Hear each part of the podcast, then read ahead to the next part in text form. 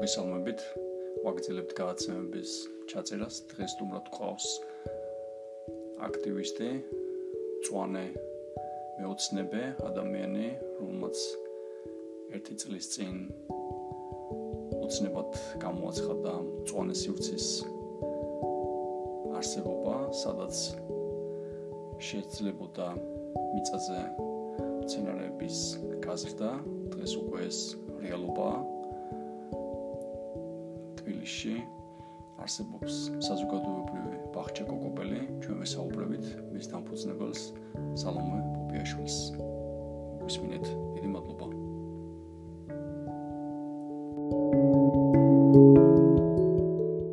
შენ ხარ საზოგადოებრივი ბაღჩა კოკოპელის ესე ვთქვა თანაშემქმნელი, ხო? აი ეს ეს სწორი სიტყვაა ეს. კი, კი, კი. და მაინტერესებს თვითონ რო გითხრა გაგვაცნო თვითონ ეს ამ პროექტის შესახებ და რამ როგორ როგორ დაიწყო ეს პროექტი, რა მიზანს ემსახურება, რაღაც ესეთი ისტორია რომ მოგვიყვე. ხო. აა ისტორია საკმაოდ მოკლე და გრძელი არის. ხო, ისტორია. აა საშუალო ავირჩიოთ. საშუალო ავირჩიოთ. Ну ეს მოხდა ისე რომ მე თქვა ვიყავი EVS-ით იტალიაში დასწრული რომელსაც ერქვა სკოლა ტყეში და აქ გავიცადი ლიედი ერთ-ერთი ორგანიზაციის დამფუძნებელი ანუ კოორდინატორი ხო და ლიანმა გადმომიგზავნა ერთხელ ეს ჩვეულებრივი ინფოპარკი რომ საშენო ტრენინგი არის და წადიო და ნუ რო გავხსედი. ტრენინგი კი არა ტრენინგი იყო. აა ეს გადმომიგზავნა ამ ბაღჩების შექმნის ტრენინგი ანუ როგორ უნდა შევქმნათ ბაღჩა урბანული ბაღჩა. და ნუ რო დავგუგლე და ვნახე ყველაფერი ვაიმე ეს მივხვდი რომ ეს ის იყო რასაც ვეძებ აიწლებია რა. იმიტომ რომ აა ვერაფრით ვერ მივხვდი როგორ შეიძლება რომ თბილისში რამე გააკეთო სიმწვანეში იცი რამდენ პროექტში, მოხალისეობრივ პროექტში, რა ვიცი, რანაირ პროექტში აღარ მივიღე მონაწილეობა თბილისში მანამდე წლების განმავლობაში, რომ აი ესეთი რაღაცა მეპოვა და ნუ რა თქმა უნდა, ყველა იყო მიახლოებითი, მაგრამ არა ის რაც მე მინდოდა. აა მე რა მინდოდა ეხა მიწასთან თბილისში ურთიერთობა დათესვა მოყვანა რაღაც ის ქონდა ბუნებასთან სიახლოვე ხოხდები რა და აი ვერაფრით ვერ მივაგარე წების განმავლობაში ასეთ სიტუაციას და მაგრამ როგორც კი გადმომიგზავნა ინფოპაკი და დავგუგლე და მე YouTube-ში ვნახე რა არის ეს urban garden და რა არის რაღაცა. ну მოკლედ მივხვდი რომ ეს იყო საჩევო ამბავი და წავედი ამ ტრენინგზე ძალიან მომზადებული მთელი კითხვები მქონდა ჩამოწერილი რიზერჩი მქონდა გაკეთებული არაჩვეულებრივად მანამდე და იქ უკვე რაღაცები გავიცანით ხალხი და მაშინ გავიცანი მოლიც თანადამაარსებელი ამ урბანული ბაღის კოკოპელის. და რო იქ როცა საუბრობდით მე და მოლი რაღაცებზე მივხვდით რომ ნუ ორივეს ერთი და იგივე რამე გვინდა. მოლის თავისი ისტორია და მიზეზები აქვს თუ რატომ უნდა ბაღჩის შექმნა? მე ცალკე ჩემი ისტორია და მიზეზები და და აი იდეაში რომ ჩვენ ორივეს არ გვაქვს გასაქცევი თბილისიდან არც სოფელში არც არსად არც კერძობინა არა გვაქვს ცხოვრობთ ორივე კორპუსში და რაღაცა გვინდა მაინც ხო ხტები რომ მიწასთან ახლოს ვიყოთ და სწორედ აი ეს როცა თემებზე საუბრობთ ვიხდით რომ ნუ მოდი რა გავაკეთოთ რო ჩამოვედით, ცოტა ხანი ისე ვიფიქრეთ ცალ-ცალკე და ნუ მე რეზოლუშენი გამოვაცხადე Facebook-ზე. არა რეზოლუშენი იყო 2020 წლისთვის, რომ მე მინდა დავიწყო მებაღეობა. და ამ დროს შევეხმიე და მოლი. სალომე იცი რა, მეც ფიქრობ ამ ამაზეო რა მოკლედ. რაც ჩამოვედით საქართველოში, მეც ფიქრობ სულ ამაზეო და მოდი შევქმნათო და კაი, მოდი შევქმნათო. აი ესე დაიწყო ჩვენი კოკოპერის ამბავი, რომ აი ძალიან დიდი ხნის ოცნება და სურვილი და რაღაც ძებნის პროცესი როგორც იქნა დასრულდა რა და მივაკვლიეთ როგორც იქნა საშუალებას რომ ჩვენი შეგვექმნა ჩვენი იდეალური გარემო ხდები? და და ძალიან მარტივად მე არაფერი, ანუ ძალიან მარტივად შევქმნით. აი, როდესაც კი მოგვეცა საშუალება და აი, უბრალოდ გასაღები მოგვეცა გესპის, რომ გაგვესრულებინა ჩვენი ოცნება, მაშინ აი ყველაფერი ისე მარტივად გამოვიდა, ადგილიც ძალიან მარტივად ავარჩეთ, იმიტომ რომ მოდის უკვე შეთვალიერებული ქონდა ეს ადგილი ბაგებში და აა როცა შეზერი წავედი, ნახე და ვეთქი მაგარია, თქო მაგარი ხარ თქო და ნუ მოკლედ აა ბერე მოდი დაწერა თავის სოციალურ ქსელში რომ აბა იმას ვქნათო ხალხო ნიჩაბი გჭირდებაო და ესე გამოჩნდნენ ვასკა ტატო მოვიდნენ და აგვიბარეს ეს მთელი ტერიტორია, მალე მერიიდანაც მივიღეთ თანხმობა და ძალიან ძალიან ადვილად გავაკეთეთ რეალურად урბანული ბაღი. აი ძალიან მარტივად შოთო. ხო მინდა რომ კითხო შემდეგ აი ახსენე იგივე მოხალისეები ის ადამიანები რომლებიც დაუშვათ მხარში დაგიდგა. თუმცა ძალიან საინტერესო არის სალომე ის мотиваცია რაც თქვენ გამოძრავებდათ იგივე შენ ახსენე რომ კორპუსში კორპუსში გაიზარდა ის სივრცე თითქოს მაინც შეზღუდულია რაც არ უნდა გარეთ იმყოფებოდე, სახში ამოდიხარ და თითქოს რაღაც კედლებში ექცევი, რთული არის ისედაც ურბანულ გარემოში, ოდესაც მოძრაობ ადამიანი და მე სახშიდაც უკვე რაღაც შეზღუდულად გრძნობ კედლებში თავს. და მოკლედ ამ ოცნებამ ფაქტიურად ფრთები შეისხა და დღეს თბილისის ესე ვთქვათ საკმაოდ საკმაოდ ის გეოგრაფიულად სიახლოვეს ხო თბილისის სიახლოვეს არის ესეთი ძალიან ლამაზი საზოგადოებრივი ბაღჩა კოკოპელი რომელშიც ვიცი რომ ძალიან ბევრ აქტიობებს ახორციელებთ. მინდა კითხო რომ სტუმრებზე მოხალისეებისთან დაკავშირებით აა მაინტერესებს თვითონ ვინ არიან ეს ადამიანები აა ვინც კოკოპელს სულგანან მხარში ხო დაუშვათ შეიძლება იყვნენ მოხალისეები შეიძლება ადამიანები უბრალოდ იგივე ალბათ თბილისის მაცხოვრებლები ასევე უცხოელები რომლებიც თბილისში ცხოვრობენ. თუ არის რამე დაუშვათ კომუნიკაცია ადგილობრივი ხელისუფლების მხრიდან ასევე ან სკოლები ნებისმიერი ინიციატივა რასაც თქვენ აკეთებთ აა და თვითონ კარგი იქნება თვითონ რას გულისხმობს ეს იდეა ბახჩა კოკობელი? რა არის? ანუ რას რას რას აკეთებთ ხო აა ნუ урბანული ბაღი ჩვეულებრივად არის გაზიარებული სივრცე ძირთად ქალაქებში იმისათვის რომ აი ესე კორპუსებში მაცხოვრებელმა ადამიანებმა ცირე ნაკვეთებზე აა მოიყვარონ ასე ვთქვათ თავისთვის ასურველი კულტურები, ბოსტნეული ყვავილები, ანუ მწვანილები, რაც უნდათ მოკლედ, რაც ეთიკურია, ასე ვთქვათ, ასევე. ხო, მაგასაც გავამახვილოთ ყურადღება, ну, მოკლედ, რაც ეთიკური არის და რაც შესაძლებელია რომ მოვიყვანოთ, შეგვიძლია აბსოლუტურად გაზიარებულ უფასო ხელმისაწვდომის სივრცეში გამოვიყენოთ ეს შესაძლებლობა. და ზუსტად ეს იდეა მოგწონს, რომ არავისი არ არის ეს ადგილი, არ არის არავის შემოსაზღვრული და არავინ არ გეტყვის, რომ იცი რა არის, ეს არის სალომესი ან ის არის მოლისი. არა, ეს არის ურბანული ბაღი. შეიძლება მე არ ვიყო ან მოლი არ იყოს ან ვინმე არ იყოს, ხალხის ხო ხდები. და ზუსტად ეს არის, ეს არავისი არ არის. ერთი არის რომ რა თქმა უნდა რომ ყველა урბანულ ბაღს აქვს თავის წესები და უნდა ცეცხლებსაც პატივი და არ გადათელვან არ არ დააზიანოს ხვის იმცენარე და ან არ იმას ქნა ხო თქვა ვიღაცის რაღაც დათესილია არ უნდა მოსპო და მის ადგილზე სხვა რაღაცა არ უნდა დათესო ხო? თავისთავად ეს წესები უნდა გაითვალისწინო და ყოველთვის ყურადღებით უნდა იყოს ხვის იმცენარეების მიმართ იმიტომ რომ პატარა ბავშვივით ხარ როცა მცენარეებთან ურთიერთობ რა ის რო უყურ ვუყურებ როგორ იზრდება, აი არ ვიცი, რაღაც ცალცარი გრძნობები კაკადაბიეს და მე რო ხედავ რომ მოკვდა ის მცენარე ან დააზიან და აი ძალიან გტკივა. ხო? და ემოციონად განიცდია ამ ყველაფერს და ამიტომ ერთმანეთსაც უნდა მოუფრთხილდეთ ხოლმე და აი ეს მომენტი არის, თუმცა ისიც აღმოჩნდა რომ ქალაქელებს ძალიან დავიწყებული გვაქვს ასე ვთქვათ ურთიერთობა მცენარეებთან და ეს გადათელვა რაღაცების და იმიტომ რომ ხო არ არა ბოროტულად არ არავით არაფერს არ აკეთებს უბრალოდ იცი რა არის ხარ ხარ მიჩვეული ბუნებას და ასე თქვა ბოსტანს. აა ძალიან ისეთი შოკია ბევრისთვის, რომ უი აქ არ უნდა დავდგე. აი, თეორი აღმოჩენები გავაკეთე, თქვათ როგორ როგორი შეცვლილი ქცევები გვაქვს ჩვენ ადამიანებს და მე ჩვენი ასე თქვათ სტუმრები ნელ-ნელა როგორ იცვლებიან სცენარებთან მიმართებაში, რომ თქვათ კარგად უნდა ამოთხარო, მიიწარო ფესვები ზემოდან არ კონდეს სცენარეს და ასე შემდეგ, ხო?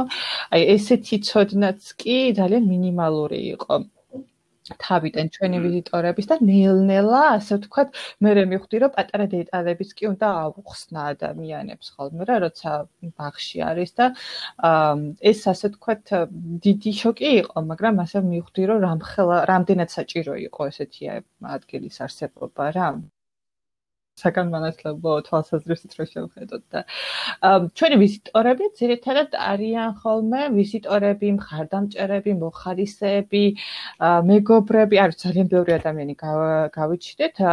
ეს ზოგადად ეკოაქტივისტებიც არიან. ეკოაქტივისტების მეგობრების, მეგობრის მეგობრებით და ადამიანები, რომლებიც აი წლების განმავლობაში იწებდნენ ასეთ სივრცეს, როგორც თქვათ მე და ბოლივე იწებდით ხო ასეთ სივრცეს და აი ყველა ესეთი ამბობს, რომ აუ როგორ მიდოდა, რომ ესეთი რაღაცა გამეკო რა და მართლაც გაიგეს და ძირითადად სოციალური ქსელებისგან ან მეგობრის მეგობრისგან გაიგეს ასე თქვათ ჩვენი ბაღის შესახებ და ასე მოვიდნენ ჩვენამდე და საქართველოსში ყველა როგორც პატარა ესე დიდი ინიციატივა, მით უმეტეს კარგი სწრაფად ვრცელდება და კარგია რომ გამოხმაურება ადამიანების მხრიდან თანადგომა როგორც საუბრობ ფაქტიურად ძალიან ესეთი კარგი განწყობა არის პოზიტიური განწყობა არის და რაც მნიშვნელოვანი არის ფაქტიურად ადამიანმა დაინახეს სარგებელი დაუშვათ იმ ადგილების განსაკუთრებით თბილისში მაცხოვრებელი ხო ურბანულ ადგილებში მაცხოვრებელი ადამიანები რომლებსაც შეუძლიათ რომ სადღაც თუნდაც რაღაც პერიოდით ხო თბილისის ტრანსპორტს დაუშვათ ამ ხმაურს მოსილნენ და თავი ამოყონ ისეთ ადგილას სადაც როგორც ჩვენ თქვენ სცენარებთან და რაღაც პერიოდს გაატარებენ, რაღაცებს დარგავენ, რაღაცებს ისწავლიან. სხვათა შორის ძალიან ნიშნულოვანი ნიშნულოვანი კლუბები არის, რაც შეეხება მიწასთან ურთიერთობებს. ერთ ერთ საინტერესო პოდკასტს უსმენდი და აღმოჩნდა რომ მიწის მიწას გააჩნია მიკრო მიკრობაქტერიები, რომლებიც რომლებსაც ფაქტიურად ანტიდეპრესიუ ანტიდეპრესიული მოქმედება შეუძლია ადამიანს. როგორც ანტიდეპრესანტები ფაქტიურად ისე მოქმედებენ და ამცირებენ სტრესს და ხელს უწყობენ ბედნიერების ჰორმონების გამოყოფას. ეხა მე მე მე ვფიქრობ რომ შენი განწყობა ეს რაღაც პოზიტიური განწყობა ისე ვთქვათ ღიმილი უნდა უნდა მივაწეროთ კოკოპელის პროექტს როგორ ფიქრობ შენი ბუნებრივი ბუნებრივი მდგომარეობა. ორივე მაგრამ იცი რა ის კოკოპელი მაინც უფრო ახდენს ამ ყველაფრის გაძლიერებას მხარდაჭერას ასე ვთქვათ. შეიძლება ასე ვთქვათ ღიმილი შეიცვალოს არც თუ ისე კარგი მდგომარეობა თუ არ ხარ ისეთ გარემოში რომელიც გიყვარს. მაგრამ ნუ კოკოპელმა ასე თქო ბევრი ოცნება ასე ამიხდინა მეც და სხვასაც ბევრსაც რა ხა მაგათად ევგენი ერთ-ერთი ჩვენი წევრი არის იმ დღეს მწერა და რომ 2020 წლის აღმოჩენა იყო ეს კოკოპელი და ნუ ბევრი ადამიანისთვის და ბევრი ადამიანისთვის ეს ხიმილის მომგვრელი ანუ განაღიმილის რაღაც უბრალოდ გულში რო გაგეღიმება თბილად აი ესეთი დამოკიდებულება გავიშვათ კოკოპელის მიმართ იმიტომ რომ სხვათა შორის ამოდიოდნენ ადამიანები ჩვენთან შეკრებებს აი არ მახსოვს რომ ვინმე მობილურთან ყოფილიყოს რომ აი არ ვიცი რატომღაც ზუსტად ეს მინდოდა, რომ თქვათ რომ მოხვალა და გავიწყდეს დრო, ანუ მე ძალიან მომწონს რა ქვია იმას ნელი ნელი ცხოვრების მოძრაობა რო არის თვის slow life movement რო არის. აა რომელიც ხო აი მე ძალიან მომწონს მათი კონცეფცია რომ თქვათ უბრალოდ ტემპი შეანელო და იყო იმ წამში იმ აწმოში იყო სრულ იქ, სადაც ხარ. და ზუსტად ეს მოხდა ჩვენთან, რომ ის ადამიანები, ვინც მოდიოდნენ, იყვნენ ჩვენთან. არ არ არ გარბოდნენ ხდები, იმიტომ რომ ქალაქის დამახასიათებელი თვისება ხო ეს არის, რომ ვიღაცა შეხვდები და გარბი ხარ მაინც რა და ისე შორიდან დელაპარაკები. გარბი ხარ და ისე ლაპარაკები და აქ ეს ტემპი შეიცვალა კოკოპელში. რომ მოდი ხარ.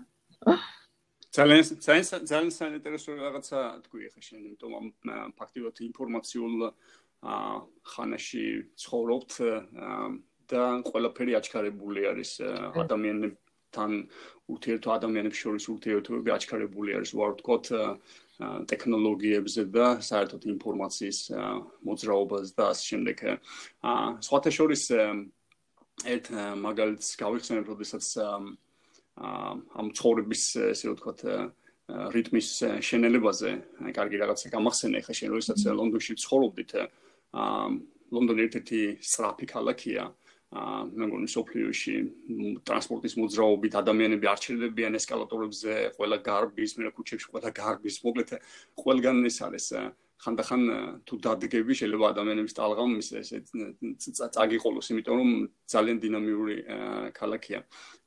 და ერთი რაც აღმოაჩინე მინდოდა რაღაც პერიოდის შემდეგ ნახე რომ ძალიან დამღლელი იყო ესეთი რიტმით ცხოვრება ეს აყოლა მუდმივად მოძრაობაში ყოფნა ხო?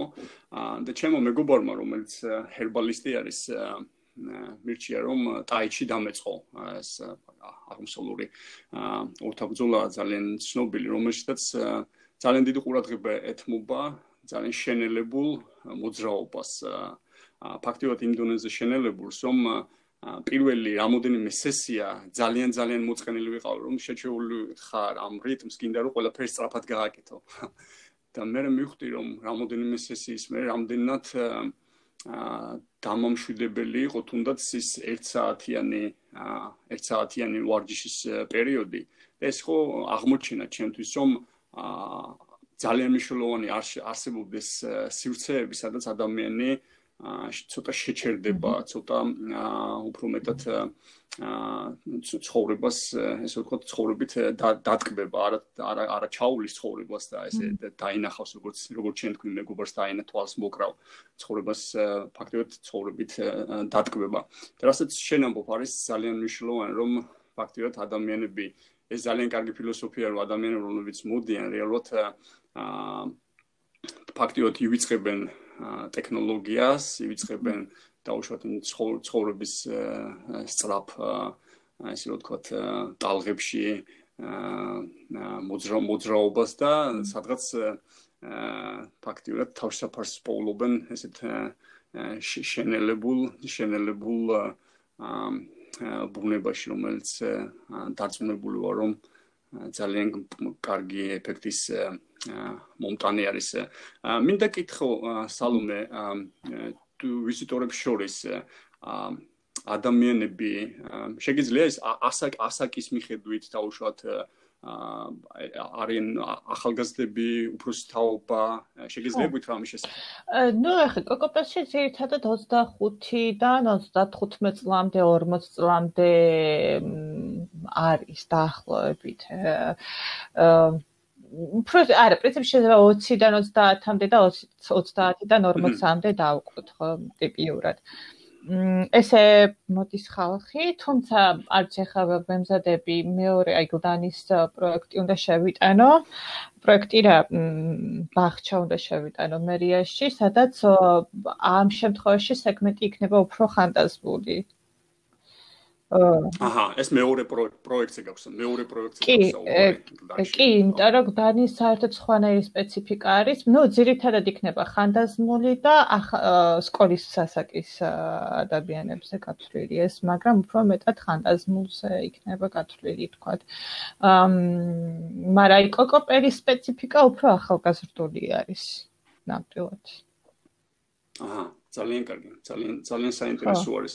ის პროექტი, რასაც ალბათ გლდანთან დაკავშირებით რაც სახსენე და ხანდაზმულ ადამიანებთან რაც სახსენე, ერთ-ერთი საინტერესო ადამიანი რომელიც ოქსფორდში გამოსვლის დროს გამოსვლის დროს გავიცანეთ არის ისე რომ ვთქვათ აა sustainable კარტი მდგრადი. ხო? მდგრადი ჯანმრთელობის ცენტრი არსებობს ესეთი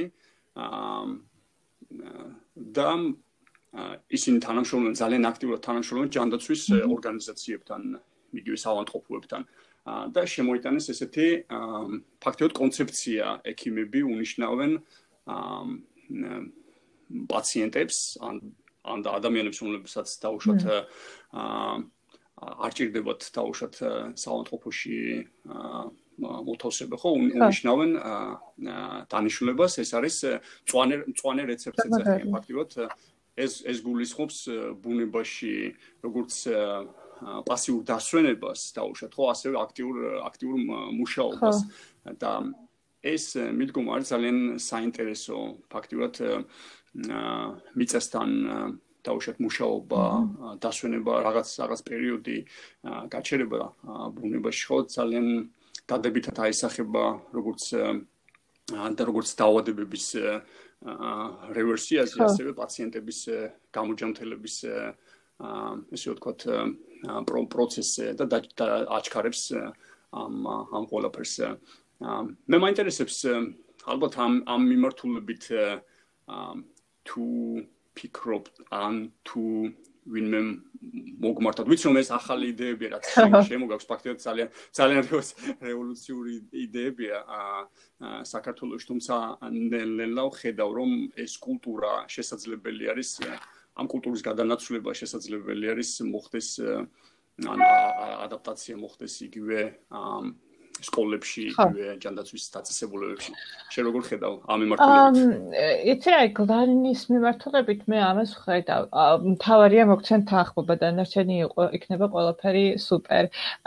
იმიტომ რომ გლანში არის უამრავი სკოლა, აი ძალიან ბევრი სკოლა არის, ძალიან ბევრი ბავშვი არის, ძალიან ბევრი ბაღია, ძალიან დიდი, ანუ დაახლოებით გონი თბილისის 300000 რაღაცა ადამიანი ცხოვრობს ქვეყანაში წარმოიდგინე რა მხოლოდ დასახლება არის. აქედან 17000-მდე არის სოციალურად დაუცველი. აა როგორც მახსოვს, თუ სწორად მახსოვს, ამას მე გადავამოწმებ სადღაც სამი კვირის წინ შევამოწმე. და დაახლოებით ამხელა წარმოიდგინე ამხელა მოსახლეობა როცა ყავს, იქ ძალიან ადვილი არის, ასე ვთქვათ, სკოლის მოსწავლეებთან ურთიერთობის დამყარება, რომ მაგალითად დაახლოებით 200 მეტრში არის სკოლა იმ ადგილიდან, სადაც ბაღი უნდა გაკეთდეს. წარმოიდგინე და ასევე ბაღჩა სადაც უნდა გაკეთდეს და ასევე ახლოს არის ბაღი. საბავშვო ბაღი. ხო. აა ანუ გეოგრაფიულად ძალიან ახლოს არის. კი, გეოგრაფიულად ძალიან ახლოს არის, პლუს ამას მე ამ მიკროში დაახლოებით 4 სკოლა არის.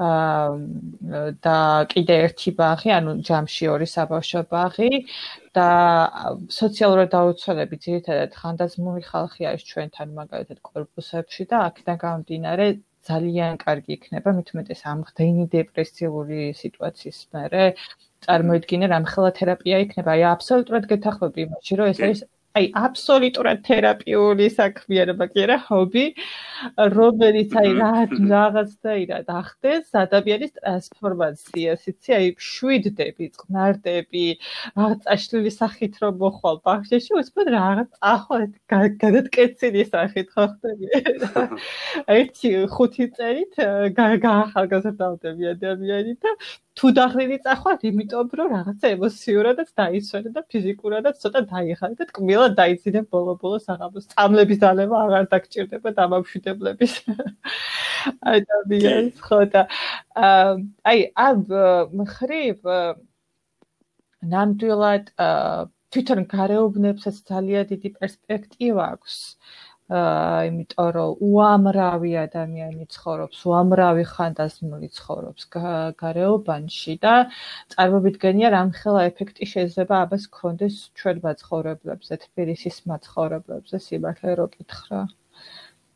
კი, წარმოუდგენელი მოქს, წარმოუდგენელი მოქს ისიც. შენ ვიცი რომ კარგად გქონდა ეს სიტუაცია ნამდვილად. ალბათ ყველაფერი პერსპექტივაა, როგორც შენ ამბობდი, რომ რაღაცე რაღაცის გაკეთება გინდოდა და რაღაცამ ბიძგი მოგცა უცებ ხო და ფაქტობრივად გაიხსნა ეს პერსპექტივა გაიხსნა. თბილის შეუძლია რომ ფაქტობრივად თბილისი არ არის ძალიან ესეთი უბნების უბნებში თუ ესეთი ადგილები და ალბათ შენი კონცეფცია როგორც ხვდები ეს არის რომ უბნებს მიებას ესეთი საზოგადოებრივი ბაღები ბაღები სადაც ადამიანები მოახერხებენ დაუშვათ მიუხედავად სხვადასხვა ასაკის და შესაძლებლობის მოახერხებენ მისვლას და სხვათა შორის ერთი ძალიან მნიშვნელოვანი ფაქტი ასევე მინდა მოვიყვანო რომ ერთ-ერთი საინტერესო კვლევა არის რომელიც ადასტურებს რომ წვანე გარემო პოზიტიურ ძალიან პოზიტიურად მოქმედებს სოციალური უთანასწორობის შემცირებაზე. და ეს ჩვენ ჩვენცაც რაღაც ისეთი სიურპრიზი იყო მაგრამ მე როდესაც დაუფიქრდი მივხვდი რომ ფაქტიურად ეს გარემო, მწვანე გარემო ისეთი დემოკრატიულია, რომ ის ყველას იღებს. ფაქტიურად გადასახადი არ არის არანაირი სოციალური, ესე რომ ვთქვათ, შეზღუდვა არ არის და ეს ეს ეს ეს ნიშანი ძალიან თვითონ მიანიშნებს იმას, რომ ბუნბუნება ძალიან ესე რომ ვთქვათ, ხელგაშლილი არის, თავარი არის, რომ ხელი ჩვენ ჩვენ თვითონ შევამჩნიოთ ეს ადამიანებმა ხო და კი, აბსოლუტურად გეთანხმები. აი, ეხა მithumetes წარმოიდგინე შოთა ეხა რა საშინელი პერიოდი გველოდება წინ და რამდენად მნიშვნელოვანია ესეთი ადგილების არსებობა, ანუ ის სტრესი ის შიში, განამარტო ის შიში, რომ შერამე დაგემართება, რომ საქართველოსში ხო ოჯახებით ვცხოვრობთ ძირითადად და ძირითადად ყოველს ყავს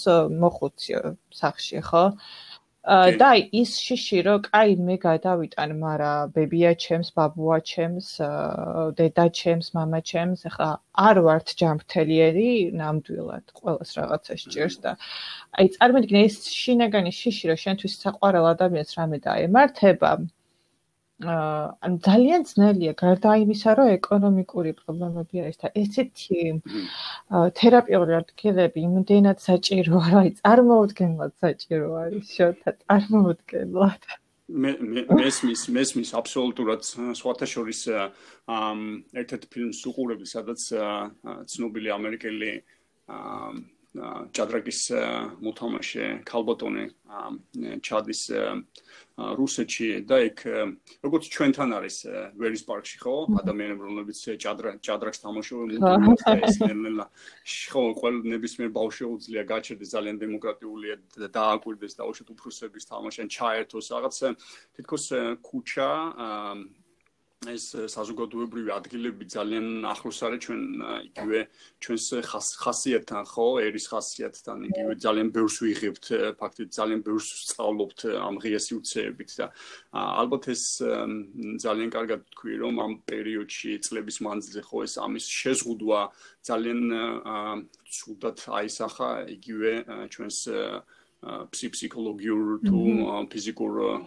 მდგრადობაზე და სიჯანსაღენზე და ერთ-ერთი სწორი გამოსავალი ალბათ ის არის რასაც შენაკეთებ სალომე ამორთულებით და მოკლედ დიდი მადლობა აქედან იმიტომ რომ რო რო რო ჩამოვალ ვიცი რომ აუცილებლად გესტუმრებით და აუცილებლად ახალ ახალი კულტურებიც მინდა ეს ჩამოვიტანო. ამაზე მე ვიცი რა რა რა იმიტომ აქ ბრიტანეთში სხვათა შორის მიწა ძალიან შეზღუდულია გაუნდინარე კლიმატიდან და ამიტომ აა ის ისეთ ისეთ თავისუფალი არა ვარ. თუმცა კარგი კეილი და ესეთ იზრდება ესეთ მიწის ქვეშ მცენარეები ესე რომ მაგრამ მინდა რომ მიწის ზემოთ ნახო მცენარეები რომელიც საქართველოსში უხოთ არის. აა საინტერესოა. მოდი აა ვისაუბროთ აა ფერმაკულტურაზე. ახლა ხანს ვკითხულობდი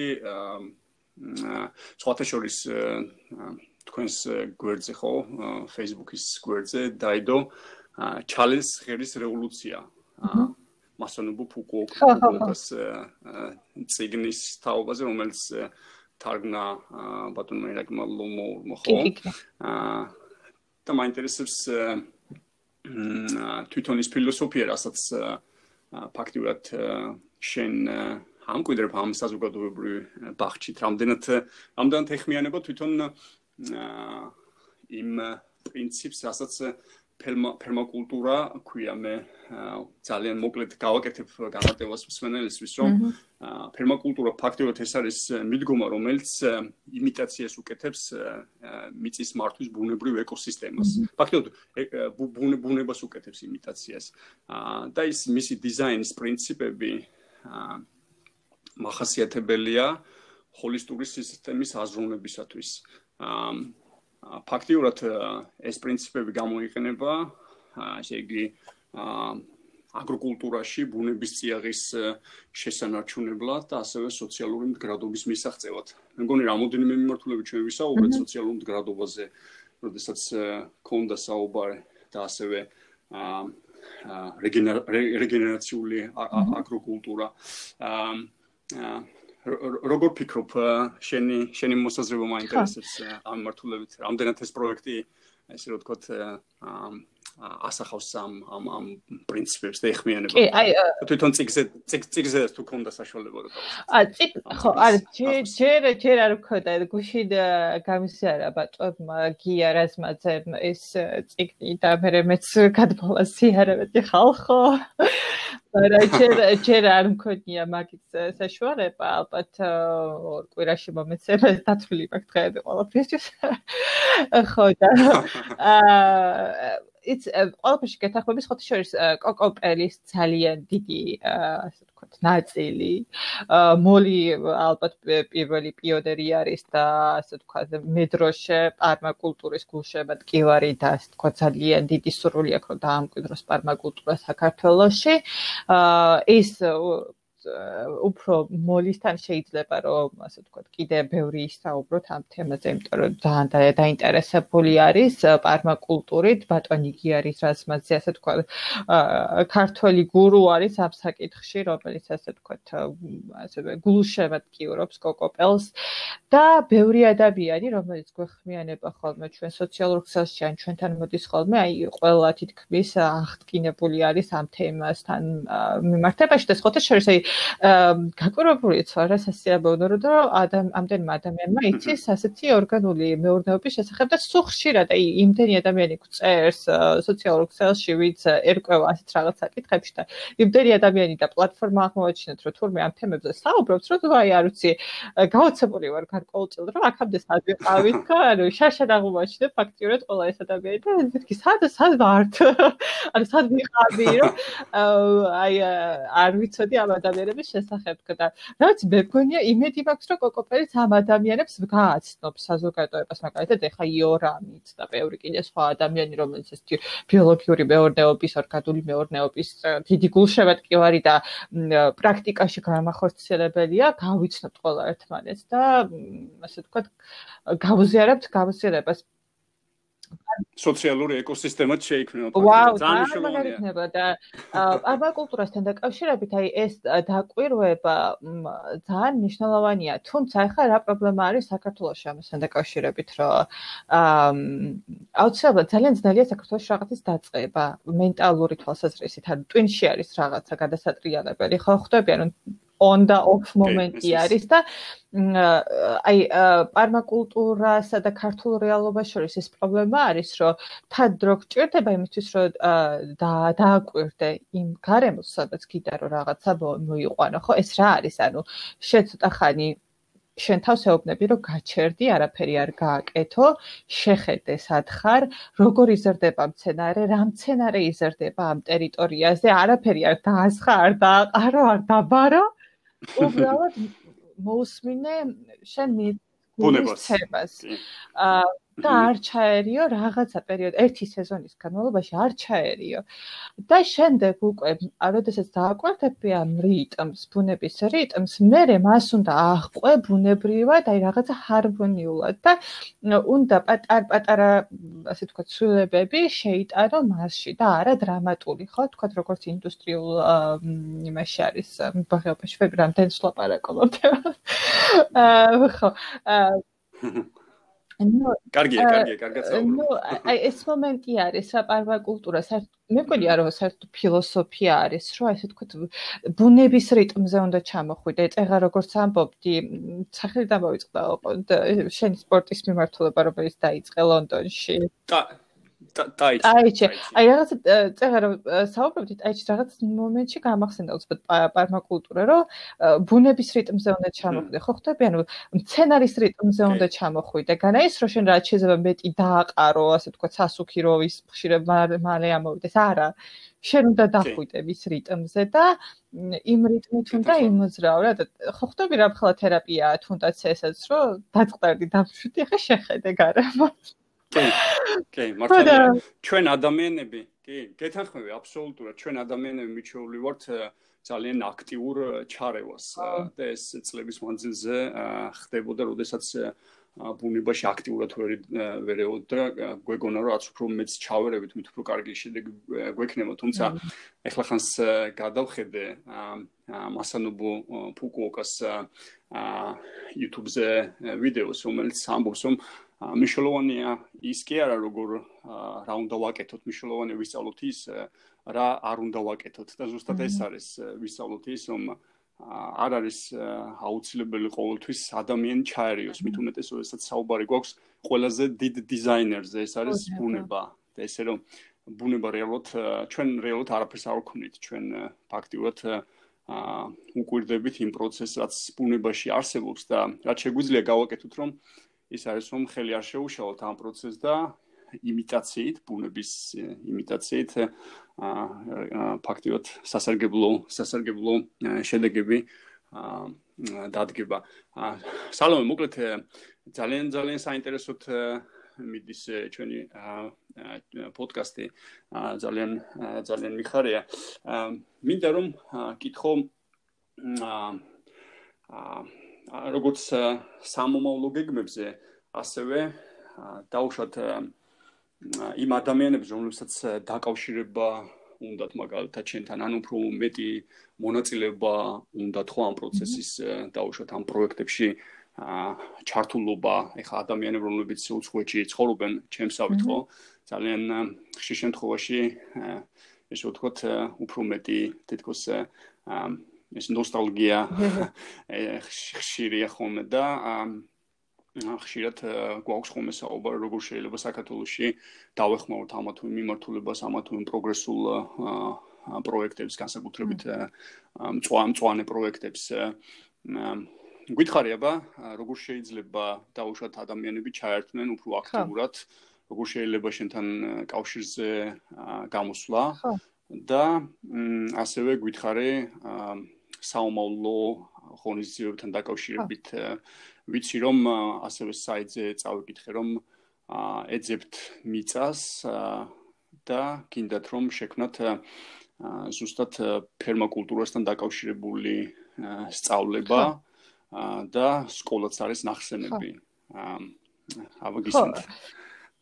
ეს თუ ძალიან ბევრი რაღაცა შეიძლება ქვინთა ანუ სხვადასხვა მიმართულებებით იგივე საზოგადოების კარგია ხო იცი, როდესაც ფიქრობ, ფიქრობ, როდესაც ფიქრობ, როდესაც ფიქრობ, როდესაც ფიქრობ, ეს ფიქრები მატერიალიზდება, ესე რომ კარგია რომ თვითონ ფიქრებიც ფიქრები ხდება ამ ამ ამ საკითხებთან დაკავშირებით. ისმენთ. ხო, ნუ ბევრი არის ახლა მაგალითად მოლის თავისი პროექტები აქვს, მე ჩემი იდეები მაქვს და ანუ როგორი მომენტია, იცი, რაღაცა ყველა შეუძლია განხორციელოს თავისი იდეა. აა რაც აქვს. მე მაქვს ერთი დიდი ამბიციური სურვილი კოკაპელთან დაკავშირებით ეს ამბიციური სურვილი არის იმაში რომ ვინც მოვა ადამიანებმა მიხვდნენ რომ მათ შეუძლიათ რაღაცის გაკეთება ჩვენთან. ოღონდ დამოუკიდებლად ანუ განაის რომ რაღაც თვალებში შეყურონ თქვათ მოლის ან მე და აი შეიძლება გავაკეთო. არა აი რაღაც შინაგანი რწმენა გქონდეთ რომ ეს არის მათი ადგილი ხვდები და არა თქვათ სტუმრები არ არიან. მე მიუხედავად იმისა რომ ძალიან ბედნიერი ვარ რომ კოკოპელი არსებობს და ძალიან ყვაყოფილი ვარ ცოტა გული მწყდება იმაზე რომ ადამიანებს ალბათ იმდენად ეს საზოგადოება იმდენად ავიწროებს ადამიანებს და ეუბნება რომ არ არის შენი სივრცე აქ. ან მე როგორც გეტყვის უნდა გააკეთო რომ რაღაც მომენტში ადამიანები ვერ ხვდებიან რომ ეს ქვეყანა მათია რომ ეს ადგილი მათია და აი მინდა რომ აი ეს მენტალური ბარიერი ადამიანებში იყოს დაანგრეული, რომ როგორც კი კოკოპელში ან თუნდაც ახლა აქ დაშრაცაც გავაკეთებ, აა რომ შემოადგავენ ფაქტს, იცოდნენ რომ აი რაღაცაზე რაზეც ოცნებობდნენ, შეუძლიათ რომ მათ დამოუკიდებლად ეს გააკეთონ, ხვდები? ეხლა ეს ეს პარმაკულტურასთან დაკავშირებითაც ერთი გოგო დაგვიკავშირდა აა მივიდა მერე კოკოპელში და მას აქვს ეს იდეა რომ გააკეთოს თქვათ პატარა ტერიტორიაზე პარმაკულტურული ასე თქვათ მეურნეობა რაც ძალიან მაგარი არის რომ აი ამ ადამიანმა ეს ინიციატივა გამოიჩინა ეს ინიციატივები ძალიან ცოტა არის საქართველოში აი ეს აა ძალა შინაგანი ძალა რომ არავის არ დაველოდები, მე გავაკეთებ. შემოცნობას მე გავაკეთებ. აი ეს ძალიან იშვიათი არის და ჩემი ესე თქვა, ყველაზე ამბიციური სურვილი არის, რომ აი ეს ხედვა, შინაგანი ხედვა ადამიანებში და შინაგანი რწმენა შეუცვალო. ძალიან საინტერესოა, რასაც ამბობ. განსაკუთრებით აა მე ფიქრობ და სრულს სრულს მაქვს და იმის გამო თქვა რომ განსაკუთრებით ახალგაზრდა თაობა უფრო მეტად ჩაერთვება ამ ინიციატივებში. დარწმუნებული რომ შესაძლებელია გაუცხოება არსებობს უკვე ფაქტიურად იმხელა დრო არის გასული და ადამიანებმა ბავშვებმა რომლებიც დაიბადნენ თბილისში ხო ეს ფაქტიურად ბოლო 20-30 წელიწადი ხო? აა ფაქტობრივად ბავშვები უკვე მზის დასული ადამიანები არიან აა მაგრამ ასევე ბავშვები რომლებიც ბოლო 10-15 წლის მანძილზე დაიბადნენ.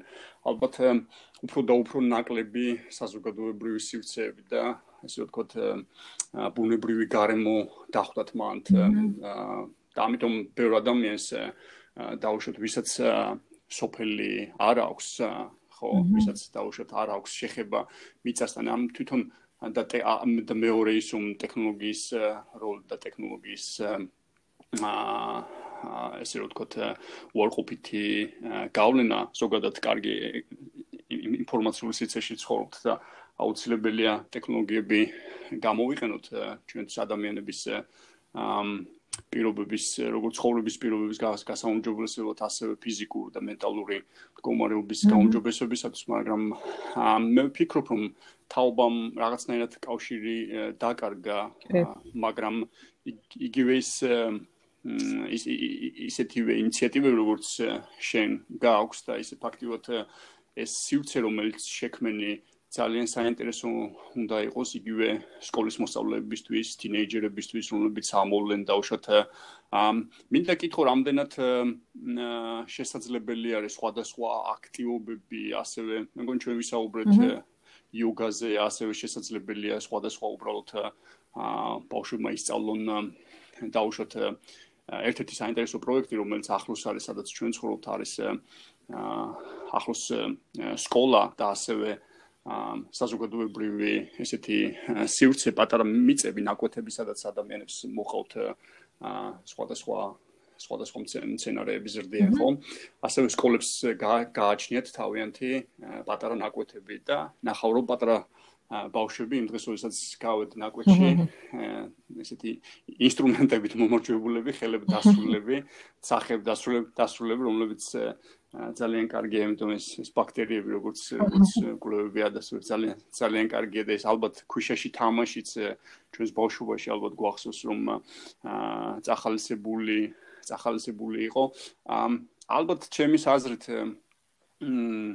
აა ჩემის აზრით ზუსტად ესეთი ინიციატივები რაც შენს გაქვს, რაც შენ გაქვს ხო, დაეხმარება ახალ თაობას რომ რაღაცნაირად აა ისევ ისევ დაკავშირება მოხდეს ბუნებასთან და ესე გემო გაუსინჯონ. ახლა გემოს გაუსინჯავენ და ნახავენ ძალიან საინტერესო საქმიანობა ვფიქრობ რომ ეს ეს დაკარკული დაკარკული ესე ვთქვათ ჩამწვეული ხიბი ხო, რაც არსებობს რაღაცნაირად დაიწყებს გამთელებას და მწვანე მწვანე მწვანე ხიბი გახდება გასაკეთებში. კი, აი მომენტუმს ძალიან დიდი მნიშვნელობა აქვს. ხა ჩემი მომენტუნი ჩემი ჩემი ბავშვობა იყო, როდესაც ბებიაჩებს და პაპაჩებს სწურობდი ხოლმე, ხო, ანუ იქვისვერებდი ზაფხულობით და თესავდით და ნუ ასე ვთქვათ, სოფლური გარემო არ არის, ასე ვთქვათ, ჩემთვის უცხო და მან შეიქმნა სიყვარული ის რამაც თქვა დამაბრუნა ისევ მიწესთან, ხო? მართალ აბსოლუტურად გეთანხმები შოთა იმაში, რომ ეს ბავშვების ჩართულობა ძალიან მაგარი იქნება და აა აი წეგან ამბობდი თქვა როგორ შეგვიძლია რომ დავეხმაროთ კოკოპელსო და ალბათ პირველ რიგში შეგიძლიათ რომ Facebook-ზე გვიპოვოთ კოკოპელით, საზოგადოებრივი ბაღჩა კოკოპელით, ჯგუფიც გვაქვს, გვერდიც გვაქვს, პიროვნებაც გვაქვს და რა აღარ გვაქვს და შეგვიძლიათ რომ იქ დაგვებატოთ და დახმარებასთან დაკავშირებით ჩვენ ძალიან გვჭირდება ფიქრობ ისეთი ტრენინგები, როგორც არის ახალგაზრდების გაძლიერება, ანუ empowerment მხრი, იმიტომ რომ საჭიროა. რასაც უყურებ საჭიროა. მესმის. და თუ თქვა ვინმეს აქვს გამოცდილება, როგორ შეიძლება რომ გააძლიერო ახალგაზრდა და მას Twitter წმენა შევატო, აუცილებლად აუცილებლად ერთი-ორი ტრენინგი ონლაინ რამენაირად ჩავატაროთ ხოლმე, იმიტომ რომ მე ვხედავ საჭიროებას, ძალიან დიდ საჭიროებას, იმიტომ რომ აა ადამიანებს არ აქვთ ინიციატივის გამოხატვის უნარიც კი დაკარგული აქვს. დაკარგული აქვთ ოცნების უნარი, ანუ მათ გონიათ, რომ არ უნდა იოცნებონ, ან ოცნება უნდა შეინახონ თაროზე. ამ დროს ოცნება არის უდიდესი ძალა იმისთვის, რომ განახორციელოს სასწაული რაღაცები, ძალიან მაგარი რაღაცები და ჩვენ ახალგაზრდებს უნდა დაუბრუნოთ იმის რწმენა, რომ შეიძლება ოცნება ოცნება ახდენადია, მიღწევადი არის და ის სულაც არ უნდა იყოს თაროზე შემოდებული და ჩვენი ოცნებაც იყო კოკოპელი და ის გახდა რეალური და მაგალითად ბევრი ადამიანი გვწევს ხოლმე, ანუ რაღაცა ჩემთვის მაგალითად იმათ ტექსტებში არის ნეგატიური ტონი, იმიტომ რომ რაღაცა მუდმივად ვიღაცის წინააღმდეგ არიან ცუდად განწყობილი და მე მაქვს ესეთი დამოკიდებულება, რომ ყველანაირი პრობლემა არის შესაძლებლობა. და იმ პრობლემას შეხედა როგორც შესაძლებლობა და სწორედ აი ეს რწმენა ადამიანებში, რომ კი პრობლემა არის, ეს პრობლემა არის შეთვის აი ძალიან კარგი ღმერთმა გამოგიგზავნა ეს პრობლემა იმისთვის, რომ შეცვალო. რომ ძალიან მაგარი და კრეატიული რაღაცა გააკეთო და არ ჩამოგტიროდეს სხვირი რომ აი რაც სულ განებაში ცხოვრობ. არ არის ეს ესე ნამდვილად ჩვენ თბილისმა მოგცა შესაძლებლობა რომ უნიკალური პროექტი შეგვექმნა რომელიც იყო პრობლემა, მაგრამ გახდა შესაძლებლობა, ხო, ადამიანებისთვის. კოკოპენი არის იმი შეიქმნა იმიტომ, რომ იყო არსებობდა პრობლემა. ასე რომ, აი, არის ვისაც შეეცდოთ ძალიან ინსპირაციული ადამიანი ხარ და დარწმუნებული ვარ, ძალიან ბევრი ადამიანი საზღვარგარეთ, რომელიც რომელსაც გაჩნია ცოდნა გავალმხრივი შეუძლიათ რომ ახალგაზრდებს გაუზიარონ თავიანთი ცოდნა, ემოცია, დამოკიდებულებები, კულტურული განსხვავებები და გაუბრალფეროვნონ, ასე ვთქვათ, თვალსაჩინო. აი, ამ ხრივ ნამდვილად კარგი იქნება თანადგომა. ვაკლათ. დიდი მადლობა. მოკლედ ძალიან საინტერესო საუბარი გამოგვივიდა მე ყველას აა მინდა რომ ის ენთუზიაზმი რაც შენ გაქვს ის პოზიტიური ენერგია დაწუნებული ვარ რომ ეს დასაწყისი არის რომ ეს კულტურას კულტურაში შეცვალოს ახალგაზრდები. ესეთი პოზიტიური დამოკიდებულება ესეთ მეგობრულობა ფიქრობ რომ გადამდები იქნება ძალიან ბევრი მოკავშირე გამოუჩნდება ამ პროექტზე. მინდა სმენელს უთხრა რომ აუცილებლად ჩვენ დავდებთ ინფორმაციას კოკოპელის შესახებ ასევე უფრო მეტ ინფორმაციას მომავალში. კოკოპელის საქმიანობასთან დაკავშირებით და მინდა მოუწოდო ყველას რომ ჩაერთოს ამ საინტერესო საქმიანობაში. და ერთად დავიწყოთ ცვლილება იმ საცხოვრებელი სივრცეების, რომელსაც ჩვენი დავუშვათ ქალაქი ქვია იმ კულტურის, რომელთაც ჩვენ ცხოვრობთ. და ეს ხოლმე და ხოლმე ერთ რაღაცას